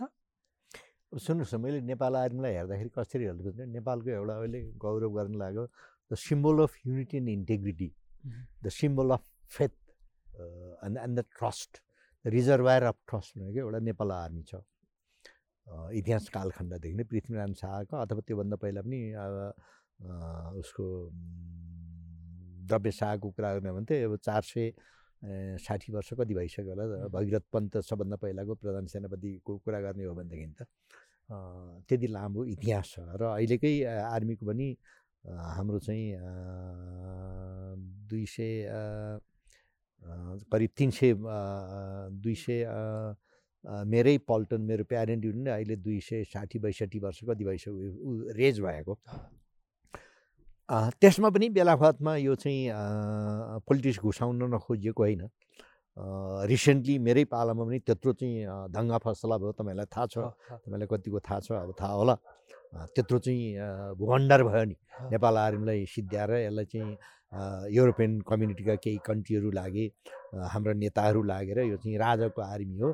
यो देशको आर्मी हो यसलाई सिद्ध्याउनुपर्छ यसलाई चाहिँ के भन्छ उ गर्नुपर्छ के भन्छ डिसब्यान्ड गर्नुपर्छ भनेर उनीहरू आफ्नै आर्मी खडा गर्नुपर्छ भनेर लागेकै हुन् तपाईँहरूले देख्नु भएको देख्नु भएको हो। तर आर्मी त डटेर सामना गर्यो नि त्यसलाई। होइन क्याबिनेटका निर्णयहरू पनि कति त च्यातेर ए पृथ्वीनारायण शाहको पाल फोटो हटाउने कुरा च्यातेर फालिदिएर पृथ्वीनारायण शाहको फालो त के भन्छ त्यहीँ चाहिँ हाम्रो चाहिँ सभामण्डपमा एउटा लाइफ साइजको फोटो राखेको छ एकापट्टि चाहिँ त्यही त्यही रात भएको त्यो चिठी फालेर अनि चाहिँ परिपत्र गरेको छ सम्पूर्ण नेपाली कार्यक्रममा यदि पृथ्वीनारायण शाहको फोटो छैन भने फोटो कम्पलसरी राख्नु। त्यहाँबाट सुरु भएको पृथ्वीनारायण शाह त। त्यसमा त्यो शालिक तोड्दाखेरि त नेपालमा कुनै नेपाली पनि बोलेको मैले चाहिँ सुनिनँ है। त्यस कारण त्यसको वर्ष दिन डेढ वर्षपछि मान्छेहरू पाटोपुटो बोल्न थालेर अहिले त यो अवस्थामा आएर नेपाली सेनाले यो चाहिँ एउटा चाहिँ युनिटीको सिम्बोल हो भनेर अहिले चाहिँ आर्मीहरू चाहिँ पृथ्वीनारायण शाहको छ के भन्छ शालिक राखेको छ। ठाउँ ठाउँमा चाहिँ त्यो चाहिँ अब पाकहरू गरेर एकीकृत बाटोहरू बनाउने एकीकृत चाहिँ के भन्छ त्यो त्यो ट्र्याक खोल्ने त्यो दुनियाँभरि हिजो मात्र पनि कति कारबार सुरु भइरहेछ अहिले गरिरहेछन् भोलि पर्सि पनि अब आर्मी हेडक्वार्टरमा चाहिँ ठुलो फङ्सन हुन्छ पृथ्वीनारायण शाहको होइन? अहिले त अब अहिलेकै प्रधान के भन्छ राष्ट्रपतिज्यू पनि पृथ्वीनारायण शाहको सालिङमा पुग्नुभयो। उहाँ नै चाहिँ के भन्छ मन्त्री हुनुहुँदाखेरि मेरो अफिसमा आएर उहाँले यो विषयमा के के बोल्नु भएको छ मैले के के बोल्ने के के भयो भनेर पनि मैले चाहिँ किताबमा लेख्नु लेखेको छु त्यो विषयमा होइन? त्यस कारणले त्यो आर्मीले चाहिँ पऱ्यो भने अडान लिन्छ। र आर्मीले चाहिँ सबभन्दा के हुन्छ भने राष्ट्रलाई हेर्छ। पहिला राष्ट्र नेपाललाई हेर्छ उसले नेपाल र नेपालीलाई हेर्छ उसले। उसको कामै त्यो उसको चाहिँ नेपालीहरूको नुन खाएको उसको चाहिँ चाहिँ सन्दर्भ नै त्यही हो। त्यस कारणले उसले चाहिँ सकेसम्म यही यही औषधिको कुरा गर्नुभयो अघि कोभिडको औषधिको कुरा पनि त्यो समयपछि जनताले थाहा पारे ए यो त बिज्याइ रहेछ यो त हामीलाई खतम पार्ने रहेछ भने त नेपाली सेनाले त फिर्ता गर्यो नि मानेन नि होइन लिएन नि उसले त त्यस कारणले त्यो क्षमता राख्छ नेपाली सेनाको नेतृत्वले नेपाली सेनाले भन्ने मलाई चाहिँ अटुट विश्वास छ र त्यो राख्नु पनि पर्छ त्यो पनि भएन भनेदेखि त नेपाल त जतासुकै जे पनि हुनसक्छ जतासुकै जा जस्तो चाहिँ एउटा चाहिँ ऊ हुनसक्छ त्यस कारणले नेपाली सेनाले चाहिँ अब साधारण अवस्थामा कानुनको पालना गर्ने हो संविधानको पालना गरेर बस्ने हो। संविधान अनुसार जो सरकार आउँछ त्यसैको आदेश आदेश आदेश पालना गरेर बस्ने हो। तर त्यति यदि त्यस्तो अवस्था आयो जब नेपाललाई ठुलै साह्रो गाह्रो पर्न लाग्यो नेपाल टुट्न लाग्यो टुक्रिन लाग्यो ठुल्ठुलो चाहिँ एकदम चाहिँ यहाँ चाहिँ रक्तपात हुन लाग्यो भनेदेखि नेपाली सेनाले मलाई लाग्छ र म विश्वास गर्छु कि संविधानमा यो लेखेको छैन संविधान अनुसार आदेश आएन भनेर कुरेर बस्दै बस्नु हुँदैन। त्यही त। मेरो चाहिँ अहिलेको रिसेन्ट धारणा। पोलिटिकल जुन टर्मोइल देखिएको छ जहाँ चाहिँ प्रधानमन्त्रीले संविधानको उल्लङ्घन गर्नुभएको छ संविधान मान्नु भएको छैन यो त्यस्तै अवस्था हो जुन तपाईँले अहिले भर्खरै अब यसमा चाहिँ म तपाईँलाई मेरो विचार के भने त्यो संविधान उल्लङ्घन गर्नु भएको हो कि होइन भन्ने कुरो त्यो न्यायालयले निर्णय गर्छ। त्यसमा मैले अहिले भने न्यायालय नै सञ्चारको प्र्याक्टिस भन्नुभएको छ उहाँले उहाँको आफ्नै रिजन छ अरू विरोधीहरूको आफ्नै निर्णयहरू छ। अब न्यायालयले गर्ला नि त। खैर अब म तपाईँलाई केही इन्स्टिट्युसन्स केही शब्दावली को नाम शब्दावली भन्छु। अनि त्यो सुन्ने बित्तिकै दिमागमा के आउँछ? छोटोमा टिप्पणी गरिदिइहाल्नुहोस् है त। तपाईँले फेरि क्विज कन्टेस्ट गराउने होइन क्विज कन्टेस्ट होइन। नेपाल कम्युनिस्ट पार्टी भन्ने सुन्ने बित्तिकै दिमागमा के आउँछ? कम्युनिजमको विषयमा मलाई के विश्वास छ भनेदेखि हेर्नुहोस् यो कार्ल मार्क्सले र इङ्ग्लिसले जो एउटा कल्पना गरेका थिए त्यो अनुसार यो त्यो उनीहरूको त्यो फिलोसफी उनीहरूले लागु नै गरेन कसैले पनि होइन? त्यसलाई त्यसलाई चाहिँ भरमार्ग प्रयुक्त के भन्छ दुरुपयोग गरे भन्ने मेरो चाहिँ विश्वास हो। उसको भावना क्लियर थियो कार्ल मार्क्सको त मैले चाहिँ ऊ पढ्नुभयो भनेदेखि चाहिँ होइन? अनि बहत्तर तिहत्तर वर्षसम्म कम्युनिजमले झन् half of the world rule गर्यो। र त्यसबाट पनि जनता वाक्क ब्याक्क दिक्क छकित भएर यो काम नलाग्ने रहेछ यसले डेलिभर गर्ने रहेछ भनेर फालिदिए। होइन? फालिदिए। होइन? संसारमा अहिले कम्युनिजम भन्ने चिज माओ जन्मेको देशमा पनि माओवाद लागु हुँदैन त्यहाँ। तपाईँले देख्नु भएको छ अहिले जहाँ त तपाईँ मोटर किन्न सक्नुहुन्छ तपाईँ घर बनाउन सक्नुहुन्छ पैसा कमाउन सक्नुहुन्छ पढ्न सक्नुहुन्छ खालि त्यहाँ पोलिटिकल मात्रै गर्न पाइन्न त्यहाँ। सबै फ्री छ त्यहाँ होइन? केही ऊ छैन त्यहाँ माओवादीको ऊ छैन। त्यस्तै भियतनाममा हेर्नुहोस् किबाबा हेर्नुहोस् दुनियाँभर हेर्नुहोस् त्यस कारणले यो कम्युनिजम भन्ने चिज चाहिँ अहिले संसारको जनताले पत्याएन यसले विश्वास गर्नु किनभने इट्स गुड नट डेलिभर। यो कम्युनिजम भन्ने चिज त के रहेछ भने एउटा चाहिँ हङ्गम हैकमवादी। अरू सबैलाई I'm the I'm more equal than the equals. Amongst the equal more equal amongst the equal भन्ने त्यो जस्तै Brezhnev Brezhnev was the richest man on earth yeah dacha in every states in every province of Soviet Union र अनि उसले चाहेको जोसुकै केटीलाई पनि उसले चाहिँ ए फलानले लिएर आइज भन्थ्यो हाम्रो चाहिँ राणाजीको राणाजी जुद्ध सम्थेर महाराजहरूले पनि त्यति चाहिँ अत्याचार चाहिँ गरेन होला। यो यो सन्दर्भ त्यस्तै माओको माओले चाहिँ के भन्छ उसको चाहिँ ट्रेन उसको आफ्नो भिन्दै ट्रेन थियो। त्यो ट्रेनै लिएर मस्को जाँदाखेरि त्यहाँ चाहिँ full of beautiful girls selected girls होइन? भनेपछि त्यो कम्युनिजम भनेको त्यस्तो चिज रहेछ। अब त्यस्तो चिज नेपाल जस्तो एउटा चाहिँ you born as a free man I am born as a free man I want to live as a free एउटा कानुनको राष्ट्रिय कानुनको परिधिभित्र रहेर म फ्री हुन चाहन्छु। होइन बोल्न चाहन्छु खान चाहन्छु गर्न चाहन्छु कानुनलाई मिच नगरिकन अर्कालाई। म बोल्दाखेरि तपाईँलाई असर पर्नु भएन। मैले केही गर्दाखेरि तपाईँको अधिकारमाथि हनन हुनु भएन। त्यस कारणले मैले मेरो अधिकार प्रयोग गर्दाखेरि मेरो कर्तव्य पालन गरेको छ कि छैन त मैले? त्यो हेर्नुपर्ने रहेछ नि मैले। त्यसमा त त्यो हुँदो रहेछ। त्यस कारणले यो चिज नेपालमा हुँदैन भनेर नै त्यस बेलाको नेपाली सेनाले मेरो नेतृत्वमा बसेको नेपाली सेनाले यो लागु हुँदैन। I will not accept Nepali army will not accept भनेर बनायो नेपाली कङ्ग्रेस भन्ने बित्तिकै दिमागमा के आउँछ? छोटो हेर्नुहोस् नेपाली कङ्ग्रेस भनेको संसारमा रेकगनाइज डेमोक्रेटिक पार्टी भनेर चिनिएको हो। त्यसैलाई बिपीले चाहिँ लास्ट टाइममा उहाँको मर्ने मर्ने बेलाको अवस्थामा मेलमिलाको सिद्धान्त लिएर आउँदाखेरि उहाँले तिनवटा चिज गर्नुभएको छ। एउटा राष्ट्रियता प्रजातान्त्रिक पद्धति र समाजवाद। बिपीको समाजवाद अथवा प्रजातान्त्रिक पद्धति अनुसारको समाजवाद भनेको गरिबहरूलाई खाना लाउन पाउने पढ्न पाउने स्वास्थ्य इत्यादि इत्यादि भनेको त्यो समाजवाद भने होइन। त्यो कम्युनिजमको समाजवाद होइन। त्यस कारणले त्यो तिनवटा चिजबाट रेकगनाइज भएको इन्टरनेसनली रेकगनाइज पार्टी थियो थियो।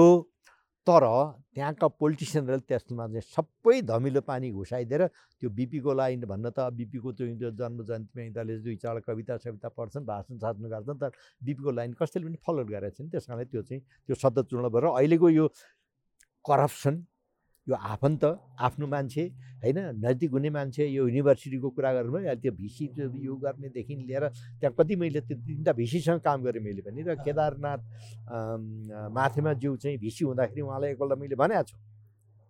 हजुर यो चाहिँ गणेशमानजीलाई गिरिजाबाबुलाई हजुरले त भेटेर यो चाहिँ युनिभर्सिटीमा त पोलिटिक्स घोषाउनु भएन भन्नु पऱ्यो हजुरले भने हे रुखमागजी कर्नेल थिएँ म। कर्नेल मैले कति भनिसकेँ। मैले कति भनिसकेँ भन्नुहुन्थ्यो कि उहाँ एउटा सम्मानित व्यक्तित्व एउटा शिक्षाविद मान्छे जस्तो मान्छेले कति भनिसकेँ भन्नुहुन्थ्यो। तर तै पनि त्योभन्दा पछाडिका भिसीहरूले मलाई चाहिँ के भन्थ्यो त्यो मैले चाहिँ एकजना भिसीले जाँदाखेरि म त अफिस नगएको त्यो अफिसमा त कालो झन्डा गाडेर माथि चाहिँ ताला लगाएको छु। उनीहरू त मिटिङै बाहिर बाहिर गर्थेँ त्यहाँ। भनेपछि त्यस कारणले संसारमा ठुल्ठुला युनिभर्सिटी अहिले त मैले राम्रो युनिभर्सिटीमा के हुन्छ? तिन चारजना विज्ञहरू बस्छन् त तिनीहरूले अनि कसलाई भिसी बनाउने कसलाई रेक्टर बनाउने कसलाई चाहिँ के भन्छ त्यो के बनाउने तिनीहरूले अनि कन्सिल क्याम्पस छाने भनेर त्यो विज्ञ टोलीले छान्छ त्यहाँ अनि चार वर्ष पाँच वर्ष त्यो विधान अनुसार उनीहरू चल्छन् त्यहाँ। कसैको त्यो पोलिटिक्स पोलिटिक्स कहीँ हुँदैन। अब यिनीहरू प्रधानमन्त्री जो भयो त्यही चाहिँ त्यहाँको चाहिँ के भन्छ चान्सेलर हुने। अनि उसले चाहिँ आफ्नो मान्छे राख्ने। अनि भागभन्डामा कोलिसन जुन अर्को अर्को एउटा रेक्टर बनाएको छ अर्कोलाई चाहिँ के भन्छ के बनाइदिएको छ अर्कोलाई क्याम्पसमा पुगाइदियो अनि उनीहरू जहिले पनि मारेर आफ्नो मान्छे ल्याउने अनि त्यहाँ त त्यो शिक्षातिर त उनीहरूको ध्यानै गएर त्यो आफ्नो मान्छेलाई कसरी ल्याउने? अहिले त्यही चलिरहेको छ हरेक युनिभर्सिटीमा। अनि त्यस्तो शिक्षाले कसरी नेतृत्व जन्माउँछ? त्यहाँ त खुखार कसरी लुट्ने खाने पिट्ने झुङ्ने आफू बन्ने र देशलाई चाहिँ नङ्ग्याउने त्यस्तो मान्छेहरू त जन्मिने भयो त्यो शिक्षाले त। अहिले त भएको त त्यही हो नि।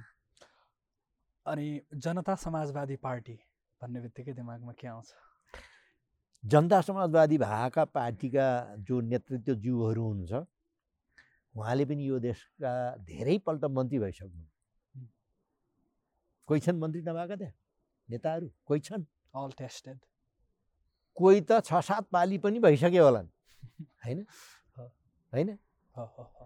उहाँहरूले अब भनौँ न ल अहिले नै अहिले अब यो विन्टर आएको छ अब तराईमा हाम्रो कैयौँ दाजुभाइहरू ओढ्ने नपाएर आगो ताप्न नपाएर खान नपाएर कैयौँ मान्छेहरू मर्छन्। के गरे त्यो? ती मन्त्री हुँदा उहाँहरूले के गरे? कति स्कुल खोले कति क्याम्पस खोले कति स्वास्थ्य चौकीहरू खोले कति बाटो बनाए कति के गरे? आफूले काठमाडौँ घर बनायो होला नि दिल्लीतिर घर बनायो होला नि स्वास्नी छोराछोरी कता घुमाउनु लग्यो होला नि होइन? छोराछोरीहरू चाहिँ विदेशमा पढाउनु पठायो होला नि तर त्यहाँका खास गरेर हाम्रो त्यो चाहिँ त्यहाँका मजदुरहरू त्यहाँ चाहिँ त्यो थारूहरू त्यहाँका दनुवारहरू त्यहाँका उहरू चाहिँ तिनीहरूलाई के गरे डुमहरूलाई के गरे त्यो त देखिरहेको छ अब त्यसको फेरि यहाँभन्दा म बढी लिउँ अहिले त्यहाँको त्यो जम्बल त्यहाँको हेर्नुहोस् न त्यहाँ को को कस्ता कस्ता मान्छेहरू काहीँ नपाएर यहाँ गए त केही पाइएला भनेर सबै त्यसमा गएका छन्। अनि सोह्रवटा सोह्रवटा अध्यक्ष आठ आठवटा अध्यक्ष त त्यस्तो पनि हुन्छ काहीँ? एउटा एउटा जङ्गलमा कति बाघ पाल्नुहुन्छ तपाईँ? विवेकशील साझा पार्टी बारे तपाईँको विवेकशील साझा पार्टी पनि अब म भन्छु त्यहाँ पनि म चिन्छु केही मान्छेहरू त्यहाँको नेतृत्ववर्गहरू मैले भेटेको छु कति गफ पनि गरेको छु। विवेक साझा पनि अब दुईवटा चाहिँ फेरि छुट्यो तपाईँहरू कति पाँच छ महिना वर्षदेखि कति छुट्याएर फेरि मिल्नु भएको छ। मिलेर जानुहोस् तपाईँहरू केही गर्न सक्नुहोस् भन्ने मेरो चाहिँ अब तपाईँहरू चाहिँ टेस्ट हुन बाँकी हुनुहुन्छ। त्यहाँ भएका कयौँ मान्छे त टेस्टेडहरू पनि होला तर त्यहाँ चाहिँ मैले देखेसम्म धेरै विद्यार्थी बाहिर पढे गुनेर अलिकति एक्सपोज भएको विद्यार्थीहरू नयाँ केटाकेटीहरू आएका छन् तिनले चाहिँ सायद केही गर्न सक्छन् कि? तर तिनले अहिलेको नेतृत्वसँग लड्ने क्षमता त्यो भिन्ने क्षमता र जनतामा त्यो विश्वासको आर्जन गर्ने टाइम चाहिँ that's going to take some time तर इट्स इट्स नट इम्पोसिबल देश देश बचाऊ भनेर आन्दोलन हुने गरेछ छ। यो आन्दोलन त्यो राजा देश बचाऊ भन्ने चाहिँ एउटा त्यो फ्रस्ट्रेसनको सीमा होला त्यो एउटा अर्को कुरा त्यो चाहिँ खाइपाइ आएका मान्छेहरू खान नपाएको टोली पनि हुनसक्छन्। तर त्यसको साथसाथै त्यहाँ चाहिँ राष्ट्रिय झन्डा लिएर घुम्ने एउटा नयाँ जेनेरेसन पनि पैदा भएको छ। तिनीहरू चाहिँ त्यो टोली चाहिँ naturally they are concern about Nepal and Nepalese त्यो तिनीहरूले चाहिँ एउटा सही बाटो चाहिँ लियो भनेदेखि यस्तै अब सबै युवा जनरेसन एक ठाउँमा बस्न सक्यो भने नि राजा आऊ देश बचाऊ भन्दा पनि नेपालको प्राथमिकताहरू के के हुन् र इन्डिस्पेन्सिबल इन्स्टिट्युसनहरू नभई नहुने नेपालको सन्दर्भमा। नेपालको भौगोलिक अवस्था मैले भने नि यस्तो यस्तो अप्ठ्यारो अवस्था जिउनको लागि सर्भाइभ गर सर्भाइभल अफ द फिटेस्ट हुनको लागि र अनि हाम्रो परम्परा धान्नको लागि हाम्रो चाहिँ धार्मिक हाम्रो इतिहास धर्म भाषा। किन धर्म भाषा र इतिहासको कुरा गरिरहन्छु म भनेदेखि चाहिँ धर्मले मान्छेलाई के गर्छ भने बाटो देखाउँछ। धर्मले बाटो देखाउँछ। इतिहासले पाठ सिकाउँछ। भाषाले हामी सबैले जोड्छ एक ठाउँमा। त्यस कारण त्यसको इम्पोर्टेन्स त्रिखुट्टी। हरेक राष्ट्रको तिनवटा खुट्टाहरू हुन्। हरेक राष्ट्रको हुन्छ यो।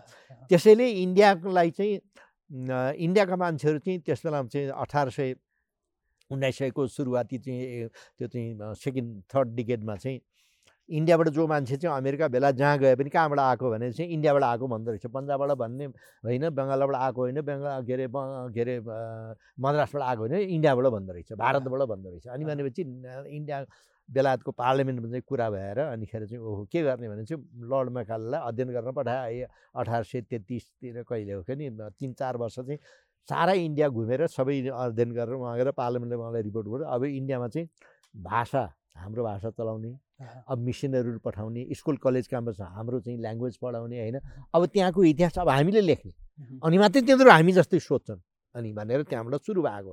त्यही कुरा नेपालमा पनि अनिखेर चाहिँ लाग्यो। त्यस कारणले हाम्रो अहिले भाषा धर्म भाग भेजी यी सबै कोही छन् कहीँ छन्? हाम्रो इतिहास हाम्रो कसैले पढाउँछ विद्यार्थीलाई कहीँ पढाउँछ हाम्रो पढाउँदैनन् यहाँ। इतिहास पनि पढाउँदैन हाम्रो धर्म पनि पढाउँदैन कहीँ केही पनि गर्दैन। त्यो चाहिँ हाम्रो जग हो। हरेक देशको हुन्छ त्यो। सङ्घीयताबारे तपाईँको टिप्पणी। हजुर। सङ्घीयताबारे तपाईँको टिप्पणी। सङ्घीयता मैले भनिसकेको छु नि यो यो संविधान लागु हुनुभन्दा पहिलादेखि नै मैले भनेको हो सङ्घीयता। यो ड्राफ्ट हेरेरै मैले भनेको छु। भिवालद्वारा धेरै विद्यार्थीहरूले अहिले त सङ्घीयता त यही नेताहरूले नै भित्रभित्र भन्छन्। यो त खप्न नसक्ने रहेछन्। र अहिलेको प्रधानमन्त्रीज्यूले भन्नुभएको छ होइन बैलगाडा चढ्नेदेखि लिएर उहाँले चाहिँ सङ्घीयताको सन्दर्भमा उहाँले कस्तो सान्दर्भिक कुरा गर्नुभएको छ। भैँसीको सिङ के अरे बाख्राको टाउकोमा राखे जस्तै हो भनेको थ्याक्न सक्दैन। नेपालसँग त्यो क्षमता छैन। त्यो आर्थिक क्षमता पनि छैन सामाजिक क्षमता पनि छैन म्यान पावर पनि त्यो त्यो र अब त्यसले धान्नै सक्दैन। ऋण काटेर ल्याएर संहिता चलाउने। अहिलेको अब यो मिडल गभर्मेन्ट यो चाहिँ के भन्नु प्रोभिन्सियल सरकारको काम के? एक्सेप्ट यो चाहिँ के भन्छ पैसा सिध्याउने। फन्ड सिध्याउने त्यो फन्ड अहिले चाहिँ कोभिडमा यो चाहिँ भ्याक्सिन किन्नमा लगाए हुन्छ नि अहिले? यसो काम चाहिँ यो धान्न सक्दैन नेपालले थ्याक्न सक्दैन नेपालले। अरूले लादिएको हो। यो टुक्रेको इन्डिया जस्तो टुक्रेका अमेरिका जस्तो टुक्रेका जर्मनी जस्तो टुक्रेका देशहरूलाई यसलाई चाहिँ सङ्घीयतामा ल्याउने चाहिँ सान्दर्भिक हो। कोलोनियल अ, को अवस्थामा होइन। हाम्रो चाहिँ टुक्रेको देशलाई हामीले सङ्घीयतामा ल्याएको होइन।